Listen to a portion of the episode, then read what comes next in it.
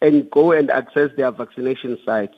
Sambata sê meer as 300 000 mense oor die ouderdom van 60 moet in die tydperk ingeënt word. In the population of 60 and above, which is a 1A a focus starting next week, the total for Northwest it's 367 553, which means if we deal with them as per the schedule, we need to create a demand per day of 4,806 and you would need 120 vaccinators.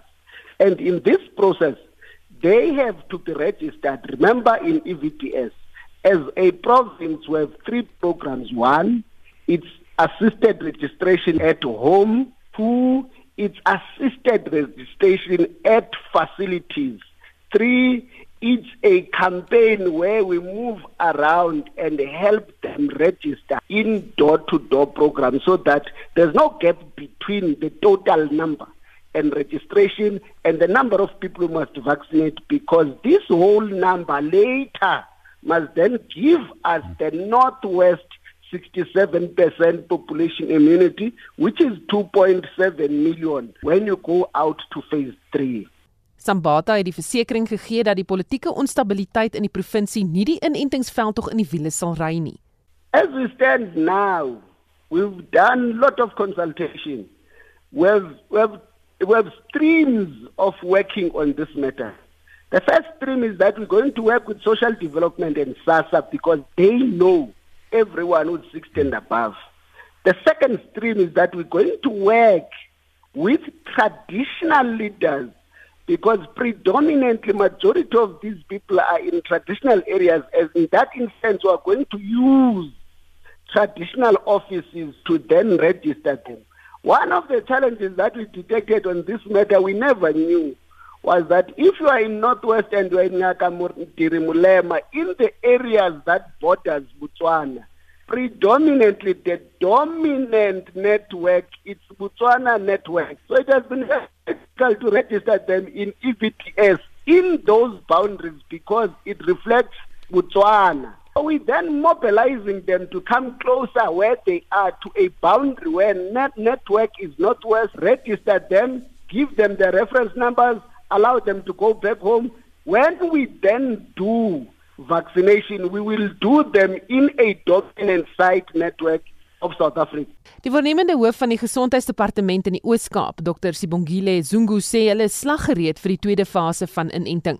Sy voorsien egter dat die tweede fase baie stadiger sal begin omdat hulle 'n nuwe enstof gaan gebruik. At the moment we are still very we are going to be very slow because we are changing from uh, the Johnson and Johnson vaccine into Pfizer. So we'll be handling Pfizer vaccine for the first time. So we have uh, 23 uh, facilities that we have put aside to start with the Pfizer vaccine, and all 23 will be starting at different times, with uh, some of them starting on Monday, and then the rest following up on the 24th, the following week.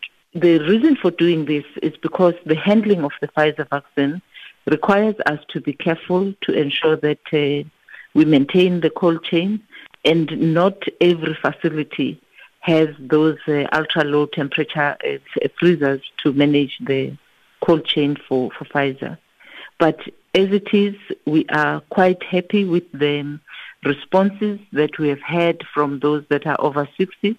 At the moment, we have uh, 149,902 people that have uh, registered with the increase, um, the numbers increasing at a higher pace as we move uh, uh, towards the end of the week. So we are hopeful that uh, we are going to get the numbers there. Zungu sê hulle beoog om sowat 15000 mense per dag in te ent. Well, we think when it comes to the 60 and above, we will probably do around uh, 10 15000 a day because of uh, the nature of our province and how we have to handle the the, the vaccine that we have now. Zungu sê as die provinsie meer Johnson Johnson en stof kan kry, sal die proses vinniger gaan. If we get Johnson and Johnson, we'll be able to get it more quickly and we will have a much further reach uh, per day and and that is the the difference that we have at this moment. And when we planned initially, we planned for Johnson and Johnson to focus on uh, the more rural areas uh, because of the ease of handling, mm. And we've planned uh, for, for for Pfizer for the more urban areas again for the same reason. En dit was die waarnemende hoof van die Gesondheidsdepartement in die Oos-Kaap, Dr. Sibongile Zungu. Die minister van Gesondheid, Dr. Willem Kies, het ook tydens die begrotingsrede van sy departement gesê gister dat die regering gereed is om met fase 2 van die inentingsveldtog te begin. Hy het ook genoem dat die regering gereed is om die nasionale gesondheidsorgversekeringsplan of NVG te implementeer. Lede van die parlement het veral gefokus op die inentingsveldtog wat 'n groot agterstand het en die minister daarvan beskuldig dat hy en sy departement val. Die hoofredakteur en uitvoerende direkteur van die Bekkie Sisa Sentrum vir Gesondheidsjournalistiek, Mia Malan, sê die departement van gesondheid gebrek aan kommunikasie oor die vordering van die entingsveld tog skep wantroue in die regering. So in die sonkie studie moet ons 500 000 mense inent of dis hoeveel dosisse ons het van Johnson & Johnson. En die studie eindig um Saterdag en dan moet al die dosisse gebruik gewees het. Ehm um, die die die reël van die studie is dat daai dosisse mag nie vir iets anders gebruik word nie. So jy kan nie die dosisse wat oorbly byvoorbeeld vir maandag vir gesondheidswerkers gee nie. Dit mag net vir die studie gebruik word. So gister, teen die einde van gister het ons 400 55000 en nog so bietjie um ingeënt. So ons het omtrent nog 45000 inentings om te doen of dosisse oor en ons het basies net vandag en môre dis 'n sonkie navorsers sê teen môre 2 uur gaan hulle stop om um inentings te gee en almal wat dan vouchers het, se vouchers sal vervang, maar hulle sal outomaties kwalifiseer om dan maandag as deel van fase 1B ingeënt te word. Dink jy ons is gereed vir die tweede fase? Dit is baie moeilik om te sê hoe gereed ons is omdat die gesondheidsdepartement werklik waar nie baie goed kommunikeer nie. Daar's niks inligting wat beskikbaar gestel word nie. Ons hoop dat die gesondheidsminister wel vir ons vandag of dalk oor die naweek 'n um, perskonferensie sal hê waar hulle inligting gee. Maar wat ons wel weet is dat ons gaan met ons gaan beslis begin en ons gaan met Pfizer vaksines begin want ons het nog nie J&J vaksines nie. So die Pfizer vaksines wat ons weet ons het is die wat in die 2de Mei aangekom het in die land. Dit is net so oor die 300 000 en ons weet dat daai enstowwe was gister en die dag daarvoor na provinsies vervoer. Minstens in die Weskaap weet ons die dosisse het die provinsie bereik en dit word nou na sites waar dit van versprei sal word vervoer. Ons weet wel die Weskaapse departement is wat ons die meeste inligting oor het want hulle het gister 'n perskonferensie gehad. So daai provinsie gaan begin met met drie gesondheidssentrums en dan sewe hospitale en klinieke waar gesondheidswerkers hulle inentings kan kry met ander woorde die wat nie deel van die sesonkie studie was nie en dan gaan hulle vir mense bo 60 gaan nog nie hulle SMS'e kry om te sê waar kan hulle nou gaan nie dit gaan eers oor 2 tot 3 weke gebeur want die Weskaapse departement gaan met ouetehuise begin. So hulle gaan 'n span na ouetehuise stuur. Ons weet nog nie nasionaal, is dit nie afgekondig wanneer gaan die J&J en stowwe um gerelease word nie. Die rede hoekom ons nie weet wanneer nie is omdat J&J en stowwe reg oor die wêreld op die oomblik nie gerelease mag word nie omdat daar 'n internasionale verification proses aan die gang is om daar was 'n probleem met een van die fabrieke in in Amerika wat party van die bestanddele maak vir die vaksin en daar was 'n geval in Baltimore waar dit gelyk het of party van die bestanddele van die AstraZeneca en die J&J vaksin dalk um, mekaar gekontamineer het maar dit lyk nie of ons um, die dele wat ons gekry het enigstens beïnvloed is daardeur nie, maar ten spyte daarvan is daar 'n soort van 'n veiligheidsmaatreël wat sê tot die internasionale regulators 'n ondersoek gedoen het en besluit het dat alles is in orde, kan niemand aangaan met hulle J&J vaksines nie. Dit veroorsaak baie verwarring, nie net onsekerheid nie, maar vreeslike angstigheid. Want stel jou nou voor, jy is nou 60 en jy en of plus en jy is aangesê om asseblief te registreer op die EVDS stelsel um, al 2 3 weke terug en jy het nou 'n SMS gekry om te sê jou registrasie is suksesvol maar jy kry niks anders om vir jou te sê wat gaan gebeur nie. En daai EVDS stelsel is nie net daar om vir jou te sê wanneer gaan jy jou registrasie of jou jou jou jou jou appointment kry nie. Dit is ook daar om vir jou boodskappe te stuur byvoorbeeld oor um updates oor vaksines of byvoorbeeld hulle kan 'n boodskap stuur om te sê ons jy weet ons gaan nie nou al vir jou 'n appointment gee nie. So dit veroorsaak baie onsekerheid en ook dit veroorsaak ook kritiek teen die regering vir goed waar wat hulle nie noodwendig beheer oor het. Maar omdat hulle nie kommunikeer nie, het mense hulle eie teorieë waarmee hulle opkom. Hulle begin dink dalk is die J&J vaksins nie regtig gekoop nie, dalk is dit nie regtig daar nie en hulle um, begin amper met soort van conspiracy teorieë um, van wat besig is om te gebeur. So ek as 'n joernalis verstaan nie hoekom die regering die gesondheidsdepartement nie vir ons gereelde updates gee en vir ons byvoorbeeld sê wanneer hulle nie iets sê nie en hoekom hulle dit nie kan sê nie want dit sal mense baie baie veiliger laat voel en meer vertroue in die regering laat kry. Dit maak my verslaag. Dit laat my verslaag. Ek verstaan nie hoekom hulle dit nie doen nie.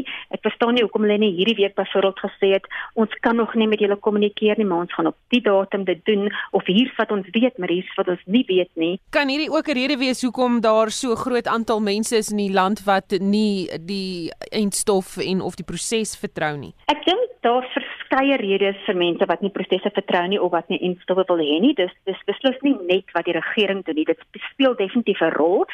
Maar daar's ook ander redes hoekom mense nie wil ingeënt word nie. En dit is nie net 'n COVID ding nie. Dit dit dit, dit is verwant aan, jy weet, kinder en stowwe en in en en things.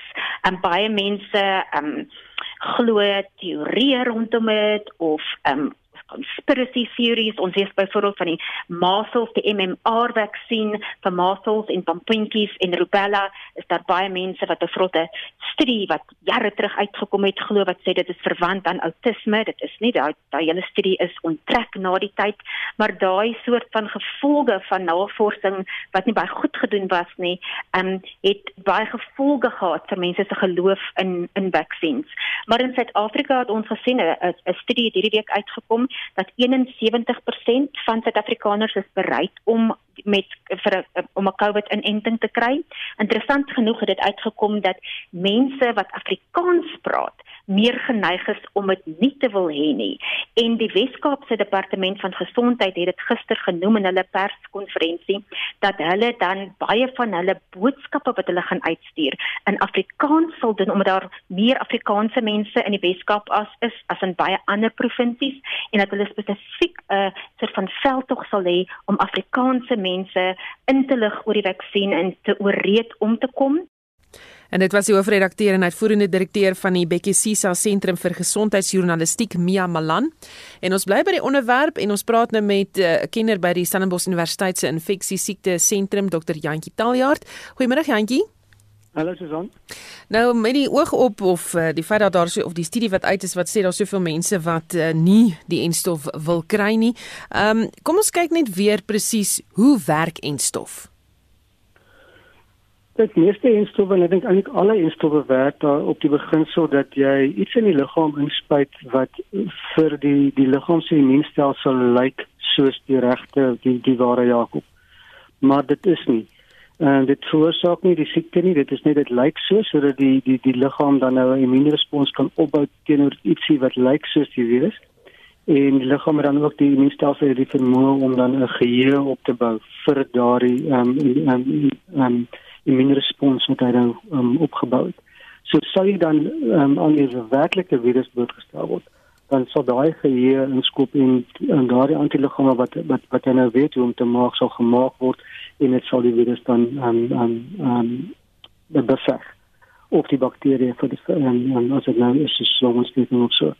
So dit is hoe almal van hulle werk, die die die nuwe COVID-19 en stowwe uh, gebruik dit meer uh, moderne tegnologie om so dis baie meer uh, spesifiek en uh, met die kennis wat hulle nou opgebou het, weet hulle watter areas van die virus moet spesifiek aangeval word om om om, om 'n groot effektiwiteit te hê en dan bou hulle die vaksin die die die instof so sodat hy dan met daardie dele ehm um, die, die liggaam met daardie dele um, antiliggame kan opbou.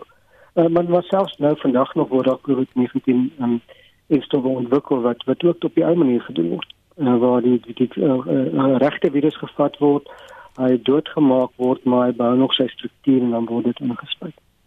Moet mense bang wees dat hulle die virus gaan kry deur middel van hierdie inentings Ja, dit kan ek nou on, onomwonde sê die die die, die virus uh, bestaan nie in hierdie in hierdie um, instowing daar's glad nie nie is 'n doodgemaakte virus in die instow wat in Suid-Afrika beskikbaar gestel gaan word nie.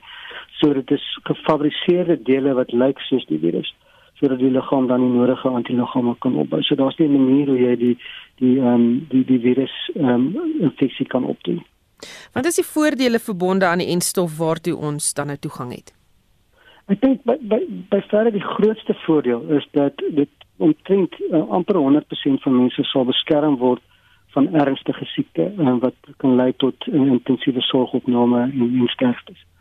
Ehm um, en dan bykomstig uh, omtrent tussen 60 en 70% van mense sal beskerm word van om enigstens infeksie op te doen. Dus so hulle sal nie as 'n ligte verkoue of 'n grieperigheid ontwikkel.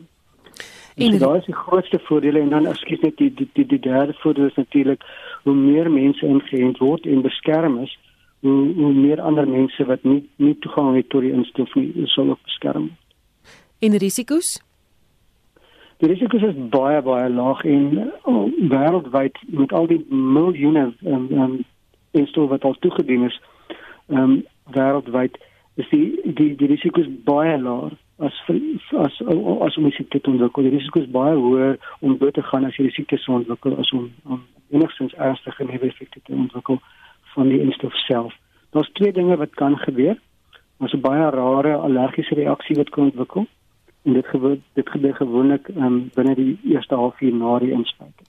Dit is baie rar in in met die die Johnson Johnson uh, instof is dit is dit intent dit um, weglaatbaar uh, laag in terme van ehm um, statistiese ehm um, um, as die statistiek nou kyk. En dan die tweede ene wat baie ek dink baie mis ehm um, mis ehm um, gerapporteer is is die uh, stollingsprobleme kan opdek. Nou weer eens dis baie skaars en ehm um, daar is nou ook nasionale riglyne vir mense wat miskien 'n verhoogde risiko sou hê in elk geval om hoër stroom te kry oor wat 'n mens moet doen vir daai mense om dan nog steeds die instof te kry. So selfs vir mense met 'n verhoogde risiko vir storm word nog steeds anders veel om nie sof te kry met seker anders ehm um, dinge wat gedoen word om net storm te voorkom.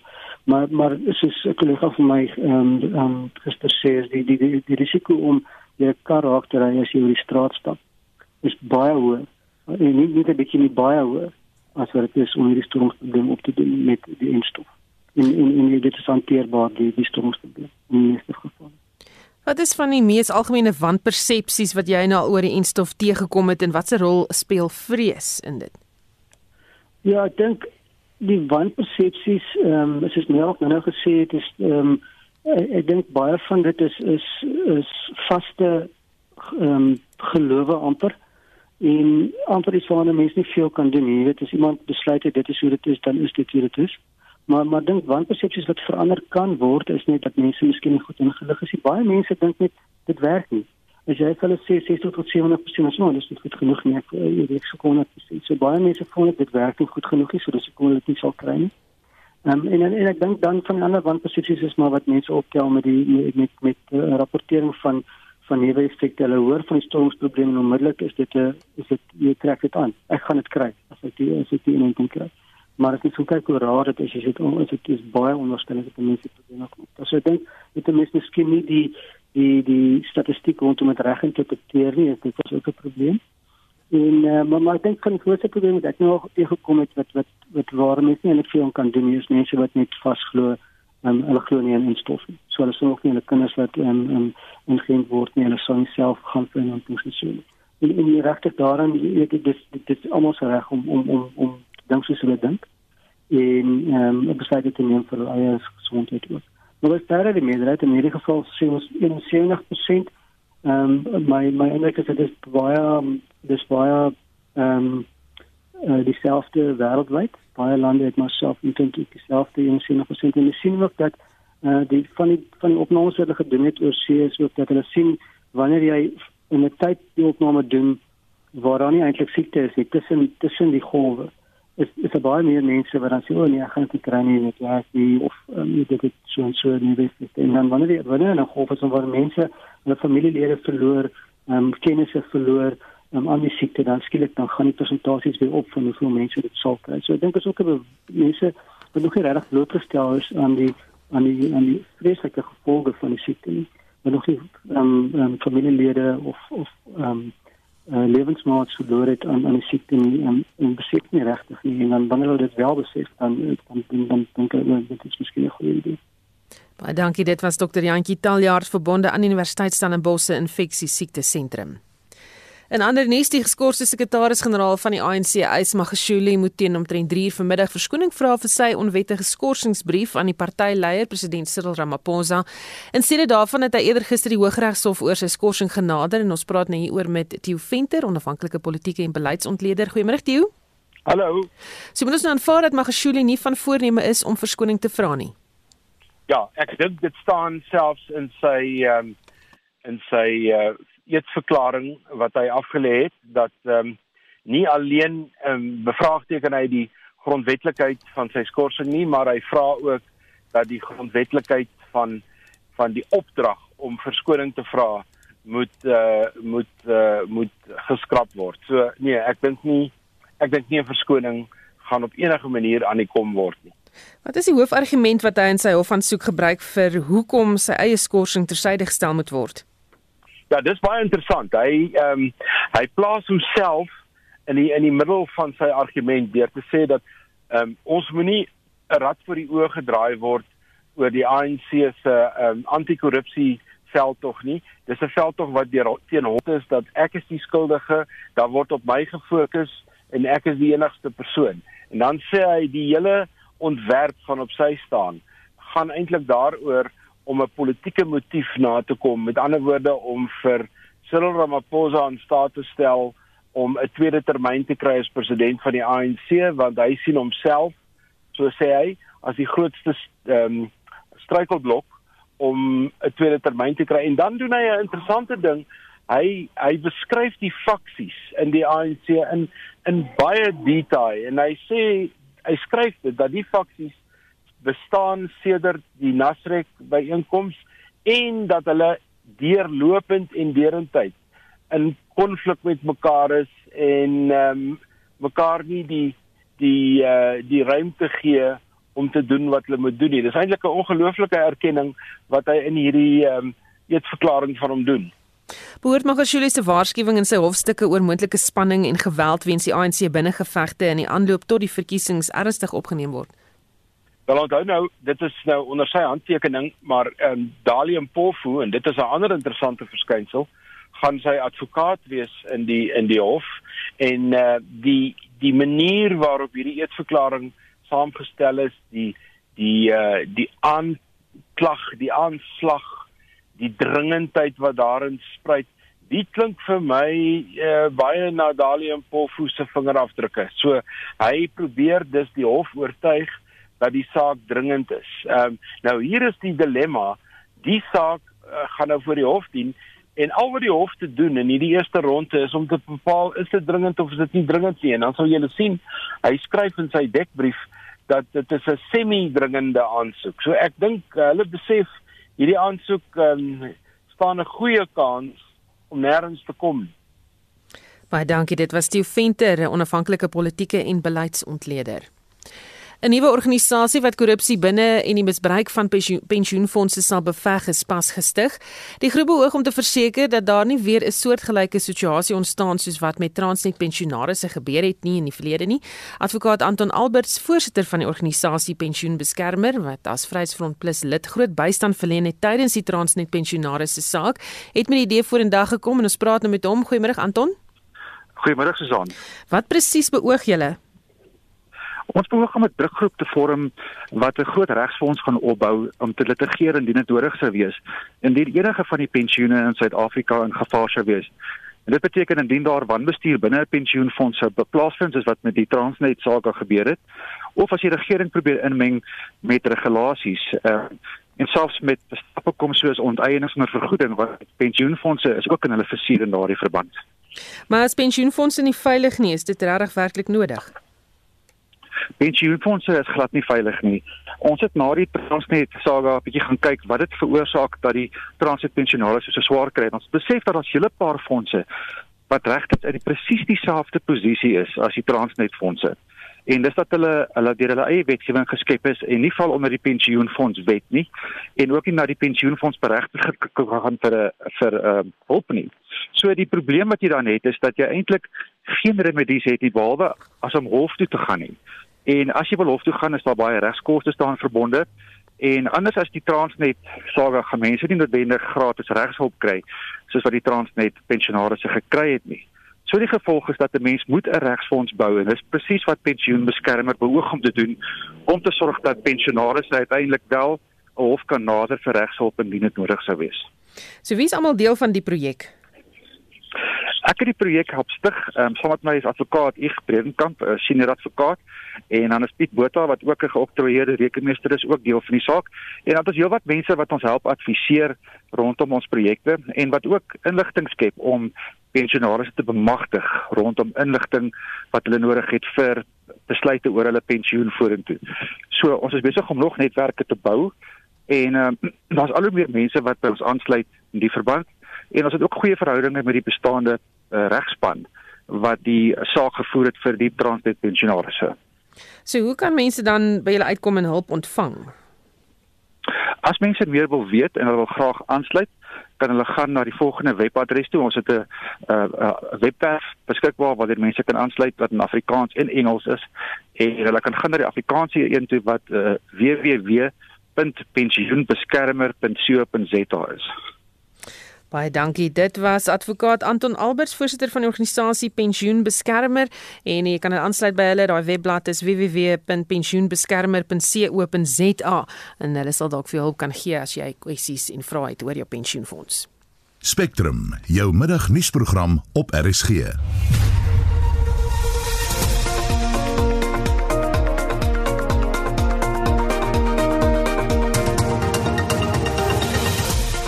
In die program die hoofredakteur van die Bekkie Sisa Sentrum vir Gesondheidsjournalistiek Mia Malan sê die departement van gesondheid se gebrek aan kommunikasie oor die vordering van die entingsveld tog skep wantroue in die regering.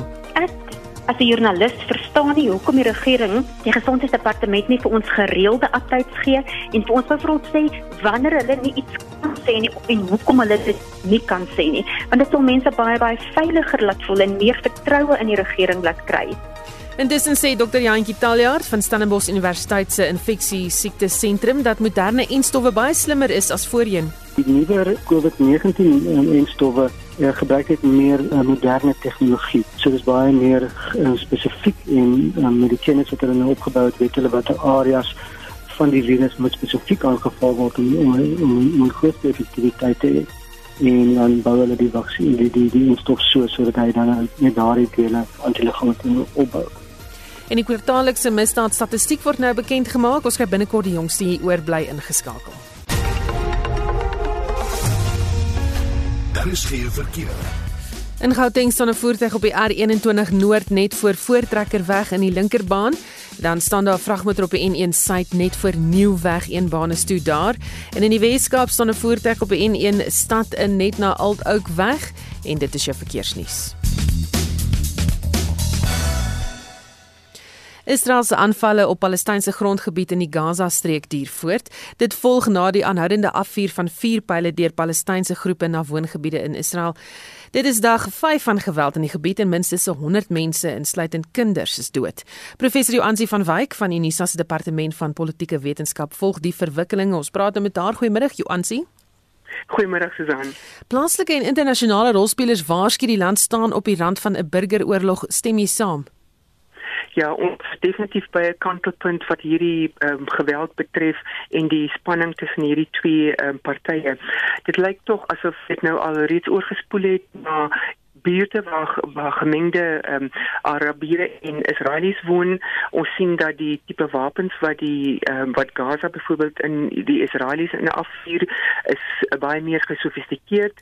Ehm um, die die die die aantal wapens wat ook afgevuur word, vier is ook baie meer byvoorbeeld in hierdie jong tyd en dit wil ook vir my lyk like, asof die streek die Midde-Oosterse streek ook betrokke raak deur middel van Hezbollah van Libanon wat hoewel dit um, ideologies of godsdienstig dan 'n verskil van Hamas um, tog baie groot invloed nog steeds in Hamas in terme van sy ideologie het.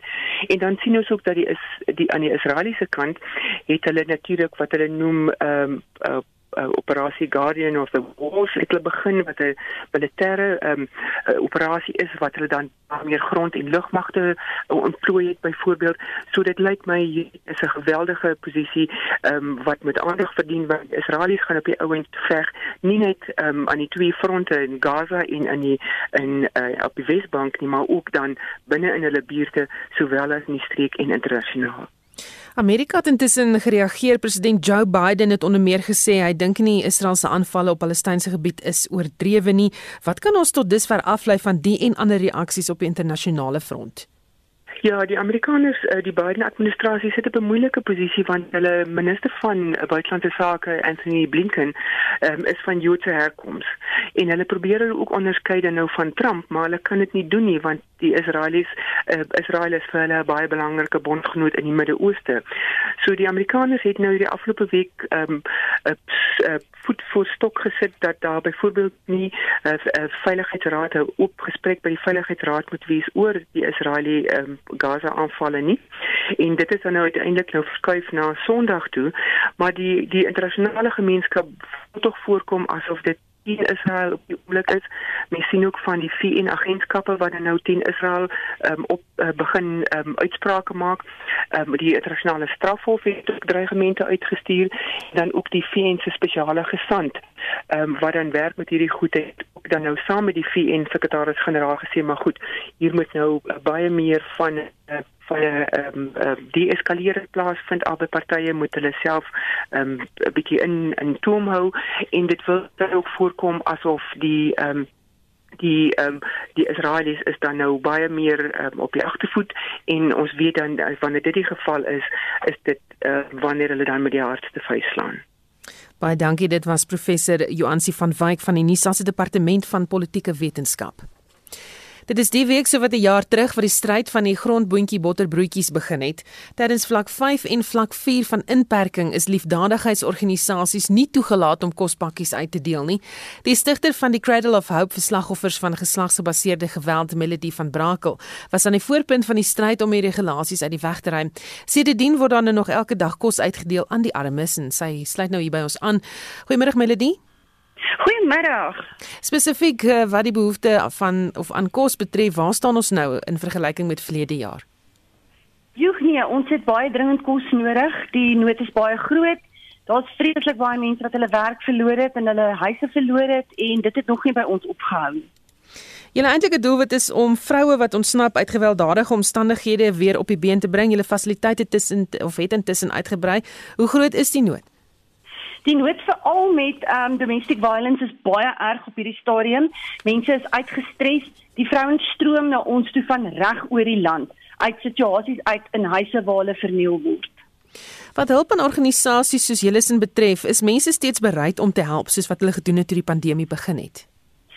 Uh, Daar's definitief 'n uh, afname in donasies. Ek dink donor fatigue het ingeskop en dan ook baie mense het hulle besighede verloor. Baie van ons donateurs het hulle huise verloor, so ons het definitief donateurs verloor en dit word erger. Hoe het dit gebeur dat julle te midde van COVID-19 kon uitbrei? Ons het um die ANC gedagvaar vir hulle proposed um kosregulasies wat hulle verlede jaar wou forceer nadat dit nog nie gegeset was nie. En Afriforum het ons daarmee gehelp en dit het vir ons internasionale blootstelling gebring. En ook as gevolg van die feit dat soveel vrouens en kinders na ons toe gekom het vir hulp ons het 'n totale toestroming gehad het ons in geloof besluit dat die Here vir ons wys dat dit tyd is om uit te brei. En deur middel van die oorsese befondsing kon ons toe 'n nuwe huis koop waar nog heelwat meer mammas en kinders kan bly en waar ons hulle kan help Baie dankie dit was die stigter van die nie-regeringsorganisasie Cradle of Hope vir slagoffers van geslagsgebaseerde geweld Melody van Brakel. Onlangse meningspeilings toon dat veral Afrikaanssprekende Suid-Afrikaners onwillig is om die enstof teen COVID-19 te ontvang. Ons het die vraag ook aan luisteraars gevra en dit het ontaard in 'n baie lewendige debat. Hier is van die menings wat met ons eh, via WhatsApp gedeel is. Ek sit in wag en spanning. Ek het al klaar geregistreer. Ek wag net om ingeënt te word. Dit gaan oor elke bietjie help. Op hierdie stadium is daar geen ander uitweg nie. As mense regtig nou in diepte na dit gaan kyk waaroor dit alles gaan, dan uh, is dit baie dringend. Ek sal ook dit neem van my huisdokter dit approve. Sal liewerste my huisdokter vertrou voor ek die staat vertrou. Ons is nog nie geregistreer om ingeënt te word, dis al oor 60 want die uh, inentingsproses waar jy moet registreer se advertensies is baie vaag. Hulle praat net van het jy al geregistreer, maar hulle sê nooit waar en hoe op watter webwerf moet jy gaan om te registreer en hoe dit presies werk nie. Ek is 80 plus en dis nie van plan om te registreer nie. Die mense wat nie wil inent nie is meestal mense wat oningelig is en ook mense wat hulle ore uitleen aan al hierdie mense wat die vals nuus versprei. En dit is sommige of sommige van ons huisdraers se menings oor die COVID-19 enstof. Die Weskaapse premier Allan Windey moedig die provinsie se inwoners aan om vroeër eerder as later te registreer om die COVID-19 enstof te ontvang. Hy het aan Madeleine Forsie gesê as jy nie registreer nie, gaan jy nie weet waarheen om te gaan om enstof te ontvang nie. Ons sit nou al by 202 000 mense in die Weskaap wat al klaar op die stelsel is. Ons mikpunt is is 'n totaal van 720 000 mense. So dis nogal baie ver om te gaan. Hoopelik uh, kry ons ten minste die helfte in die stelsel. Wat ek wil ook probeer verhoed is dat uh, iewes skielik as nou uh, ons in daai derde golf ingaan, da, dan gaan daar paniek in die stelsel wees en almal gaan uh, probeer om die stelsel oor te laai. Ons wil ordelik begin maandag want dis wanneer die program afskop en ons wil ordelik begin. Uh, ons gaan eers begin by, by ons ouertehuise. Ons sal nog die laaste van ons gesondheidspersoneel hulle inspuitings gee en dan gaan ons uh, op 'n sistematiese proses die mense begin inent oor die provinsie. Hy sê dis onaanvaarbaar dat daar reeds mense is wat poog om die registrasieproses te manipuleer om enstof buite hul beurt te ontvang ons praat altyd uh, oor korrupsie in ons land ons praat oor uh, hoe ons uh, moet dinge regkry in ons land en dan is daar mense wat nou probeer ook selfs deur 'n korrupte stelsel ingaan om 'n inenting te kry.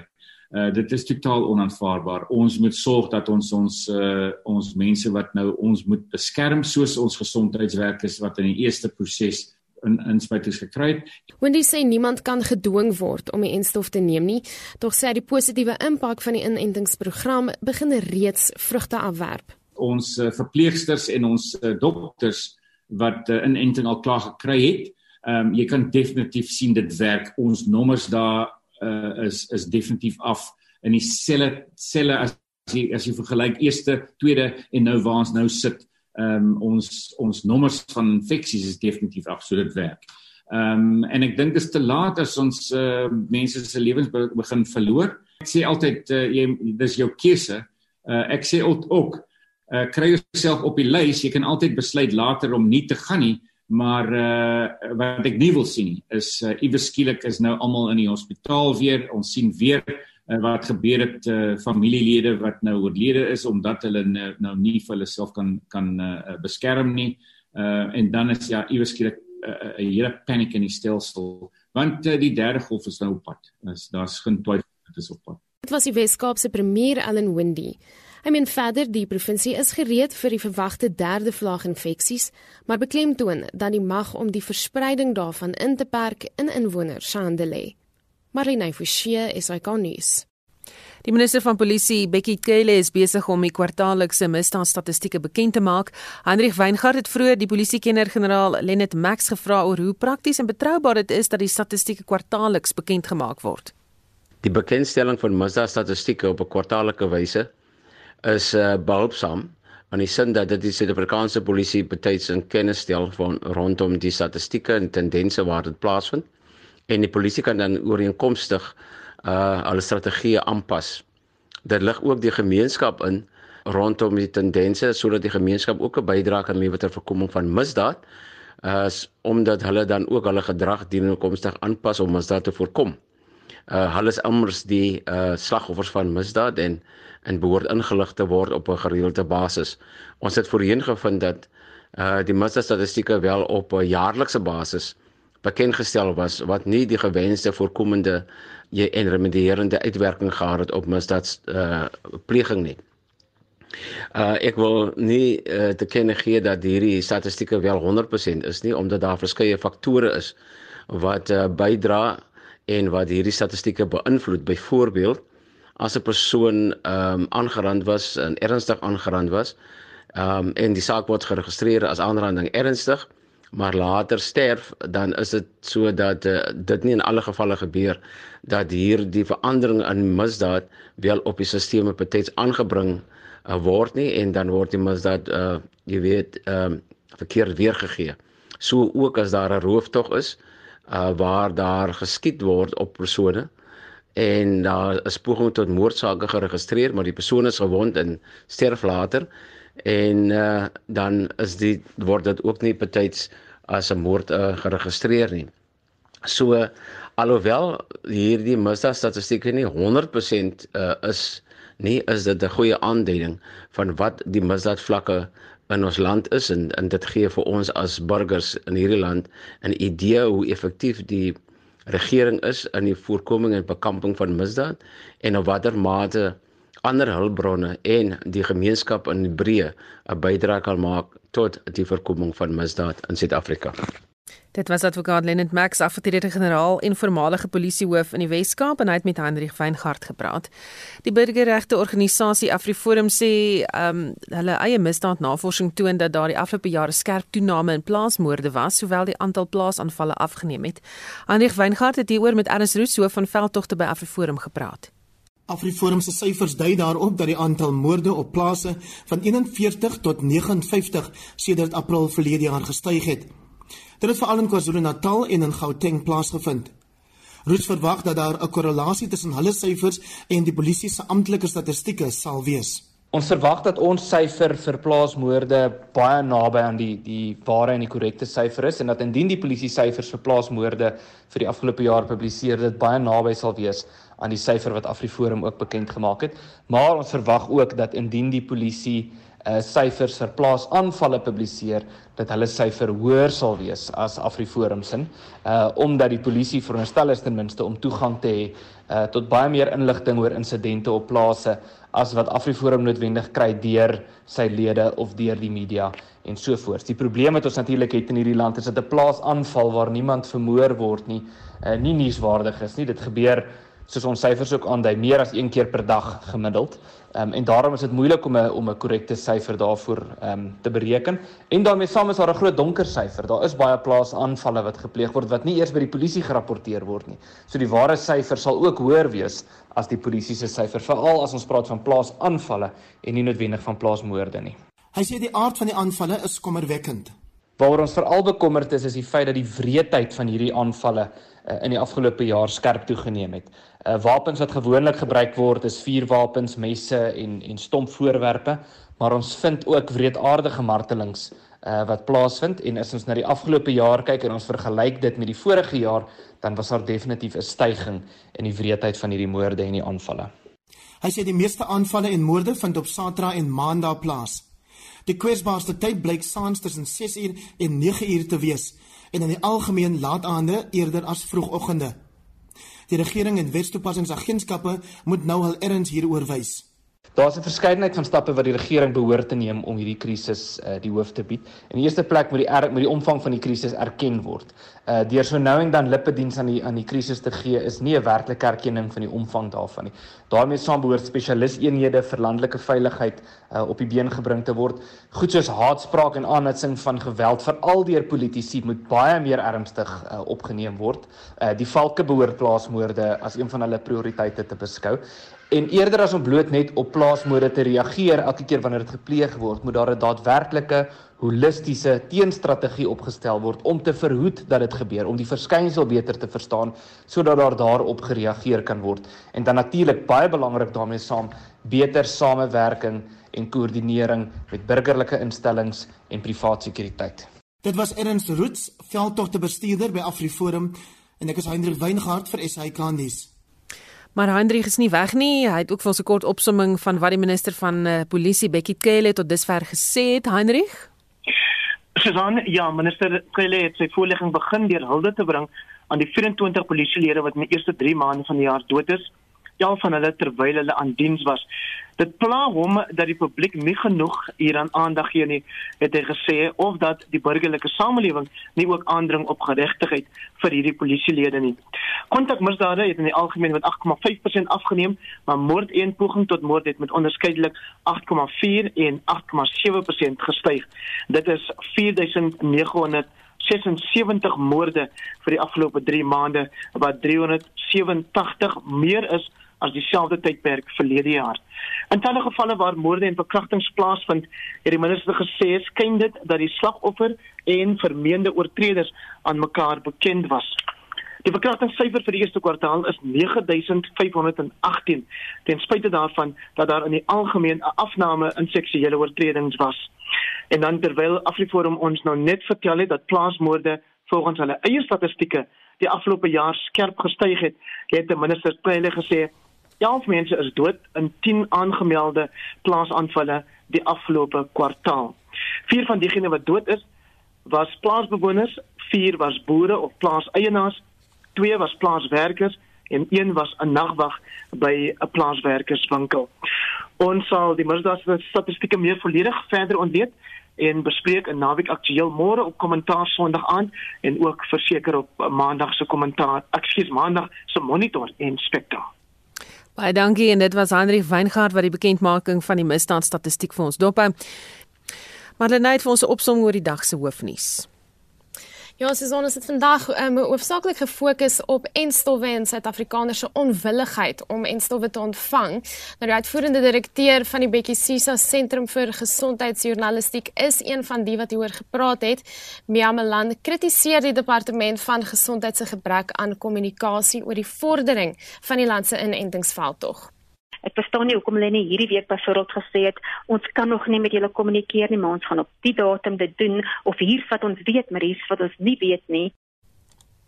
Nou sê men inligting soos die kan bydra tot verbeterde vertroue in die regering se veldtogte. Dr. Jantjie Taljard, verbond aan die Universiteit Stellenbosch Infeksiesiekte Sentrum, sê intussen die COVID-19 en stof kan jou nie besmet met die COVID-19 virus nie. En dit kan ek nou om onomwonde sê die die die, die virus uh, bestaan nie in hierdie in hierdie um, instowing daar's glad nie nie is 'n doodgemaakte virus in die instow wat in Suid-Afrika beskikbaar gestel gaan word nie. So dit is gefabriseerde dele wat lyk soos die virus sodat die liggaam dan die nodige antiliggame kan opbou. So daar's nie 'n manier hoe jy die die ehm um, die die virus ehm um, infeksie kan opdoen. Nou as jy enige verdere vrae het spesifiek hieroor, kan jy verder gaan luister op ons pot gooi 'n bietjie later op RC se webtuiste. Baie van die wanpersepsies word ook daar bespreek. So as jy enige vrae het, is jy welkom om daar verder te luister. En dan nuus van 'n ander aard, die onafhanklike en politieke beleidsontleder, die Venter, sê ons moenie verskoning verwag van die geskorste sekretaris-generaal van die ANC, Ysmagashule nie, en dis nou oor die skorsingsbrief wat aan president Ramaphosa gestuur het. Magashule het ook die Hooggeregshof in 'n brief genader oor die beweerde onregverdigheid van sy skorsing. Hier is die dilemma. Die saak uh, gaan nou voor die hof dien en al wat die hof te doen in hierdie eerste ronde is om te bepaal is dit dringend of is dit nie dringend nie. En dan sal julle sien, hy skryf in sy dekbrief dat dit is 'n semi-dringende aansoek. So ek dink uh, hulle besef hierdie aansoek um, staan 'n goeie kans om nêrens te kom. En dit is 'n storie wat naweek aktueel beslis gaan opvolg en ons weet ook dat daardie misdaadstatistiek wat op die oomblik gedeel word deur die minister van polisie Bekkie Cele is ook op die dagboek vir naweek aktueel. Baie dankie, dit was Marlenae Forsie wat vir ons opsomming van die dag se hoofnuus het. Die Suid-Afrikaanse inligtingreguleerder oorweeg regstappe om WhatsApp te dwing om sy privaatheidsbeleid te hersien. WhatsApp, wat deur Facebook besit word, het aangekondig dat gebruikers teen die 15de Mei die nuwe beleid moet aanvaar. Indien nie, sal die gebruiker oor 'n verloop van tyd net beperkte funksies van die toepassing kan gebruik. Professor Sizwe Snell Kamatuze van die reguleerder sê hy is veral bekommerd oor hoe Facebook beoog om jou inligting te gebruik. I think the position of the regulator was, was made quite clear in, in the press statement issued yesterday. It, it, it seems as if, you know, it's not just the information regulator of South Africa that, that has an issue with Facebook. Also the, the roundtable of African data protection networks, as well as other DPOs in the world, actually seem to have an issue with Facebook. Now, has litigation started yet? No, it has not. Um, if, if you look at our press statement, we've said that we've referred this now to, to the lawyers of the information regulator. We've also now approached the Portfolio Committee on Justice. We've requested them that they should also call WhatsApp in for for a, a hearing to, to, to, you know for WhatsApp to, to present itself to Parliament to exactly explain its position. Um, so you know at, at the moment we are still weighing our various options, but this has been communicated to to WhatsApp, um, and we have indicated to them that should it be necessary to go to court, if if they don't um, you know meet us halfway on, on on this issue, we will definitely have to then by the way of a group action with other regulators, uh, start taking WhatsApp, Facebook up for court action. Mtuzi sê alsou mense nou in massas die nuwe beleid aanvaar, gaan die organisasie voort met sy onderhandelinge oor die kwessie. The rumors that we've been hearing and, and and I'm saying these are literally rumors because we haven't heard an official statement from Facebook was that even if people do not accept the the conditions by the 15th, they won't necessarily stop functionality. Mm um, and and so forth. So I don't think it would be too late.